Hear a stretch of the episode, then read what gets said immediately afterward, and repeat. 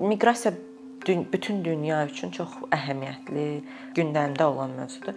Heç vaxt və heç vaxt bitməyəcək mövzudur yəqin ki, nə qədər ki dünyada iqlim dəyişkənliyi var, müharibələr var, konfliktlər var, eləcə də iqtisadi imkanlar bərabər deyil. Ölkələrdə belə deyək, biri daha varlıdır, biri daha kasıbdır. Həmişə miqrasiya olacaq. Və bu belə deyək də bizim ölkəmizdən də yan keçən deyil.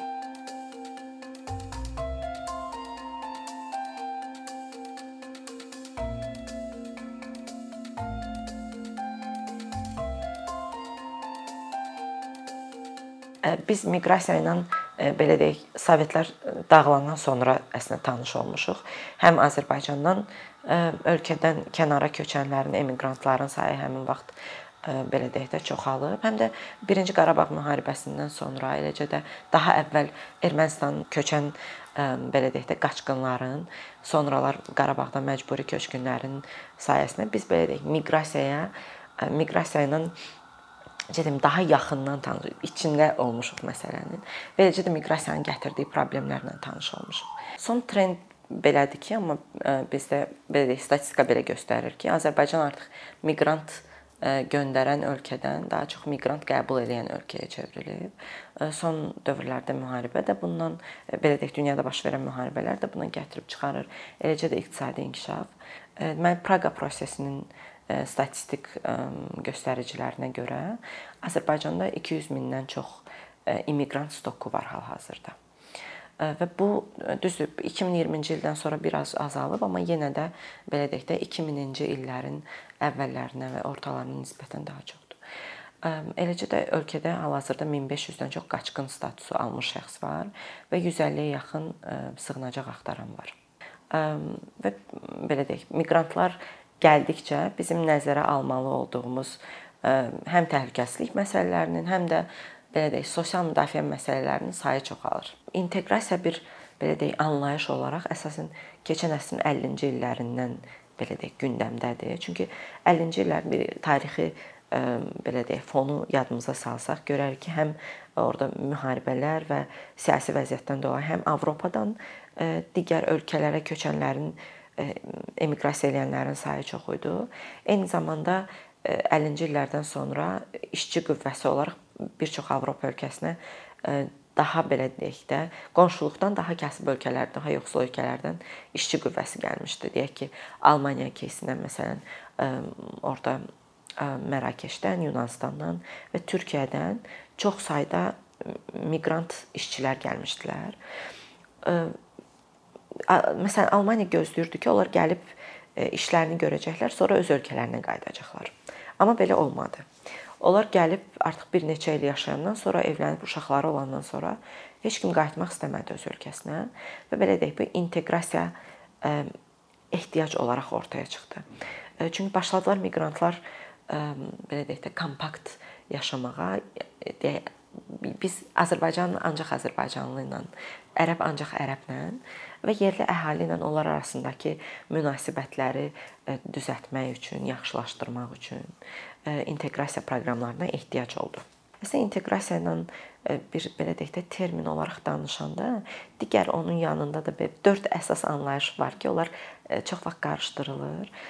Birincisi inteqrasiyadır, hansı ki fərdin gəldiyi ölkəyə, gəldiyi cəmiyyətə uyğunlaşmasını, eləcə də e, fərd belə deyək də, gəldiyi cəmiyyətin adət-ənənələrinə tanış olmasını və öz belə deyək, öz dəyərlərini qoruyaraq e, cəmiyyətdə iştirakçılığının təmin olunmasını e, ifadə eləyir. Bir də inklüziya termini var. İnklüziya belə deyək, inteqrasiyanı bir addım da qabağa aparır. Burada artıq yerli və miqrant dixotomiyasından biz danışmırıq. Biz hamımız bizik, heç kim marginallaşmayıb hamımız bütün hüquqlardan, e, bütün resurslardan e, istifadə edə bilərik və bura təkcə yerli olaraq mənim e, ölkəm deyil və yaxud mən miqrant olaraq bunu sənin ölkən kimi qəbul eləmirəm. Biz birlikdə bunu bizim ölkəmiz kimi qəbul eləyirik. Bir də assimilyasiya termini var. Hansı ki, bunlardan belə deyək də birazca qeyridir. Assimilyasiya deyir ki, gələn adam yerli cəmiyyətə belə deyək də elə uyğunlaşmalıdır ki, o adət-ənənəni də özününki kimi bilməlidir. Dili də özününki kimi bilməlidir. Lakin onun belə deyək də şəraiti olmur ki, öz adət-ənənəsini də qoruyub saxlaya bilsin, öz dinini təcrübə eləyə bilsin və yaxud öz dilində danışa bilsin. Bir də multikulturalizm var ki, bizim üçün heç də belə deyək, yad olmayan bir termindir. Hardakı müxtəlif cəmiyyətlər, müxtəlif mədəniyyətlər bir yerdə yaşaya bilirlər, öz dinlərini, öz adət-ənənələrini bir yerdə icra edə bilirlər. Amma belə deyək də inteqrasiya belə bunların hamısını birləşdirən bir belə deyək də anlayışdır. Bir çətir deyə bilərik. Hansısa ki, həm assimilyasiv bəzi xüsusiyyətlər var. Məsələn, bir çox ölkələrdə inteqrasiyanın şərtlərindən biri yerli dili yaxşı səviyyədə bilməkdir.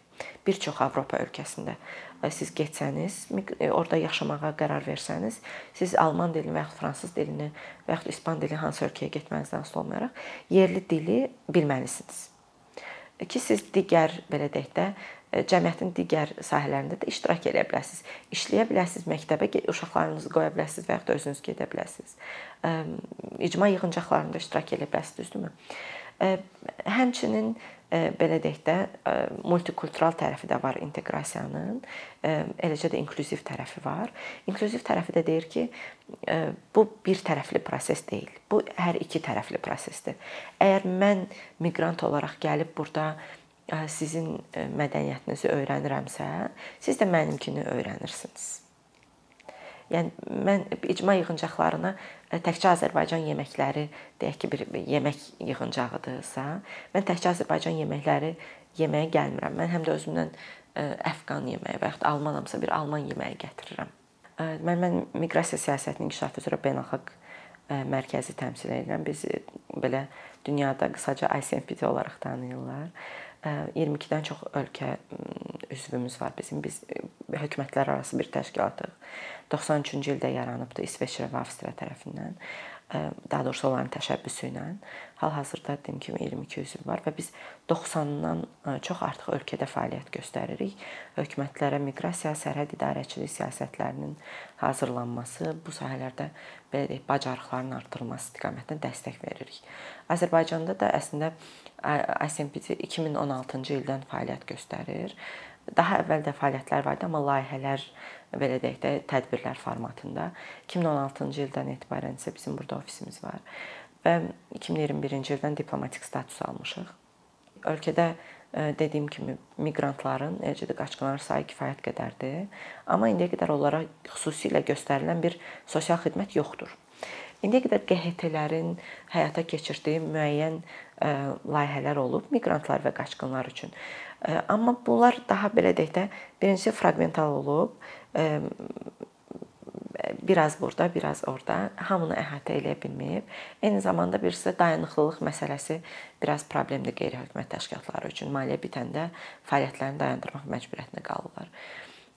Bir də BMT-nin Qaşqar üzrə Ali Komissarlığının fəaliyyətləri var, hansı ki, daha uzun müddətlidir, davamlıdır, amma onlar da yalnız qaçqınlara və sığınacaq axtaranlara yönəlib. Belə bir təklif gəlmişdi hökumətdən ki, inteqrasiya xidmətlərinin göstərilməsinə bağlı bacarıqlar artıraq və xidmət pilot eləyək. Biz belə deyək, inteqrasiya proqramı çərçivəsində 5 əsas istiqamətdə iş aparırıq, xidmət göstəririk. Bunlardan biri adaptasiya xidmətləridir. Əsasən yeni gələnlər üçündür. Sosial işlər onlara kömək eləyir ki, belə deyək də nə hardadır tapa bilsinlər. Belə deyək, ilkin onlara dil yardımı eləyir, bəzi dövlət prosedurlarının sənədləşməni eləməyə kömək eləyir və s. İkinci istiqamət səhiyyə və sosial xidmətlərə çıxışın əldə olunmasıdır. Deyək ki, əgər müraciət edən miqrantın hər hansı bir xüsusi ehtiyacı varsa, sosial xidmətlərlə belə deyək də inteqrasiya proqramı həm miqrant arasında körpü rolunu oynayır. Eləcə də səhiyyə xidmətlərinə çıxışın. Düzdür, konstitusiya deyir ki, ən azından təcili təxirə salınmaz tibbi yardım hamı üçündür. Fərqi yoxdur. Bu şəxs miqrantdır, yoxsa sadəcə turistdir, yoxsa vətəndaşdır, hamıya göstərməlidir. Amma praktikada görürük ki, təkcə təcili tibbi yardımda yox, digər deyək ki, tibb müəssisələrində miqrantların əl çatanlığı tam deyil. Ya dili bilmədikləri üçün götürmürlər və yaxud onların sənədləşmələrində deyək ki, bizim hamımızın istifadə etdiyimiz FIN kod fərdi identifikasiya nömrəsi onlarda bizimkindən eyni deyil və bu çətinlik yaradır sənədləşmə prosesində. Ona görə hətta tələbələrdən də çox eşidirik ki, bu belə deyək də deyək ki, tələbə xəstələnib təcili yardım çağırıb və ondan arayış almalıdır ki, o imtahanı qaçır, qaçırdığı üçün universitetə versin, amma təcili yardım verə bilmir həmin arayışı. Çünki fin yoxdur. Belə deyək, sosial işçilər bu yerdə belə deyək də o əl çatanlığın artırılması sizə dediyim bir neçə belə deyək də bəlkə də daha balaca problemdir, amma daha böyük də problemlər varsa miqrantların səhiyyə ilə bağlı, onu həll etməyə onlara kömək eləyir. Digər üçüncü istiqamətimiz təhsil və məşğulluqla bağlı dəstəyin göstərilməsidir. Deyək miqrant ölkəyə gələnə qədər onun hər hansı bir kvalifikasiyası var idisə, təhsili var idisə, sosial işlər onlara kömək eləyir ki, onu Azərbaycanda tanıda bilsinlər və yaxud belə deyək də akkreditasiya varsa həmin sahə üzrə onu keçirməyə kömək eləsinlər. Məşğulluqla bağlı belə deyək də imkanlar axtarırlar, iş axtaranlarla işə götürənlərlə miqrant iş axtaranlar arasında əlaqə yaradırlar. E, dördüncü istiqamətimiz mədəni inteqrasiyadır. Burada biz e, yerli cəmiyyətlə miqrantlar və qaçqınlar arasında əlaqəni yaradırıq. Müxtəlif belə deyək mədəni fəaliyyətlər, sərgilər vasitəsilə belə deyək də yığıncaqlar vasitəsindən harda ki belə deyək sadəcə belə deyək də bir balaca yığıncaq tam yeməyini gətirib və söhbət edir, tanış olur. Sonra tələbə miqrantlar üçün belə deyək partnyorlar tapırıq hansılar ki bir-birlərinin dil öyrənməyə kömək eləyir və Azərbaycanlı tələbə onlara belə deyək uyğunlaşmağa, daha yaxşı tanış olmağa şəhərlə, ölkə ilə kömək eləyir. Və sonuncu istiqamətimiz dil dəstəyidir.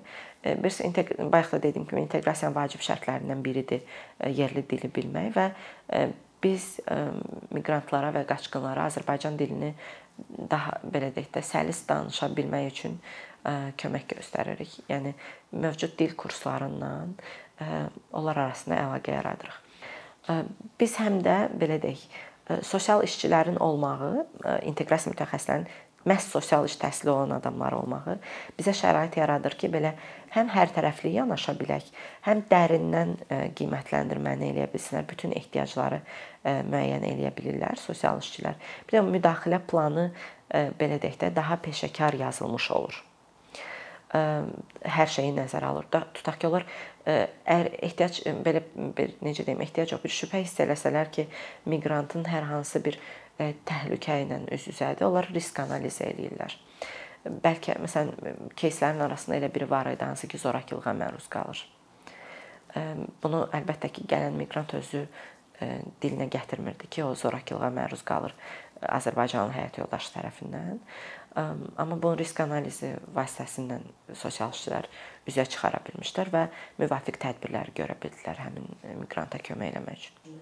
Deyək ki, miqrant ölkəyə gələndə onun gəlmə səbəbindən asılı olaraq ehtiyacları da fərqlidir. Deyək ki, əgər bu təhsil üçün e, gələn miqrantdırsa və yaxud işçi miqrantdırsa, artıq deyək ki, Azərbaycanda miqrant belə deyək də, işçi miqrant üçün gələndə artıq deməli iş yeri var. Prosedur belədir də.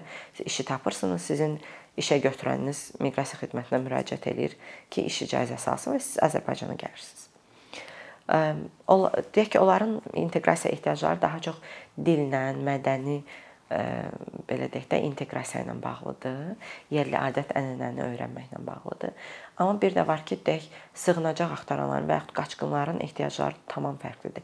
Əgər onlar deyək bizim müraciət edənlərimiz arasında ellər var ki, qalmağa yeri belə yoxdur. Küçədə qalıb heç bir pulu yoxdur.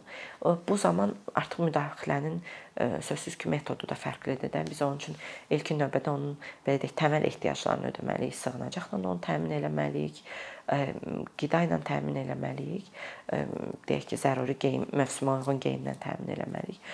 Bunu da yenə birbaşa dediyim kimi inteqrasiya xidməti inteqrasiya proqramı bunu birbaşa eləyə bilmir.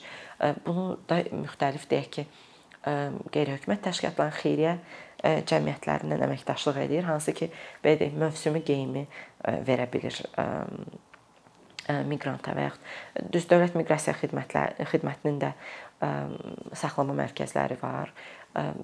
Saxlama mərkəzi daha çox qanunsuz miqrantlar üçün və yaxud belə deyək, tənzimlənməyən miqrantlar üçün nəzərdə tutulub, amma çox belə deyək də bir fövqəladə hal olarsa yönləndirmə eləyə bilirik və yaxud QHT-lərin sığınacaqlarına yönləndirə bilirik həmin miqrantlar. Amma bu dediyim kimi də o qədər və prosedur olaraq belə deyil də, çox individualdır. Müraciət edən şəxsin ehtiyaclarından, əlimizdə olan resurslarla bağlıdır. Və bizim qərar vermək üçün nə qədər müddətimiz var, ondan da asılıdır.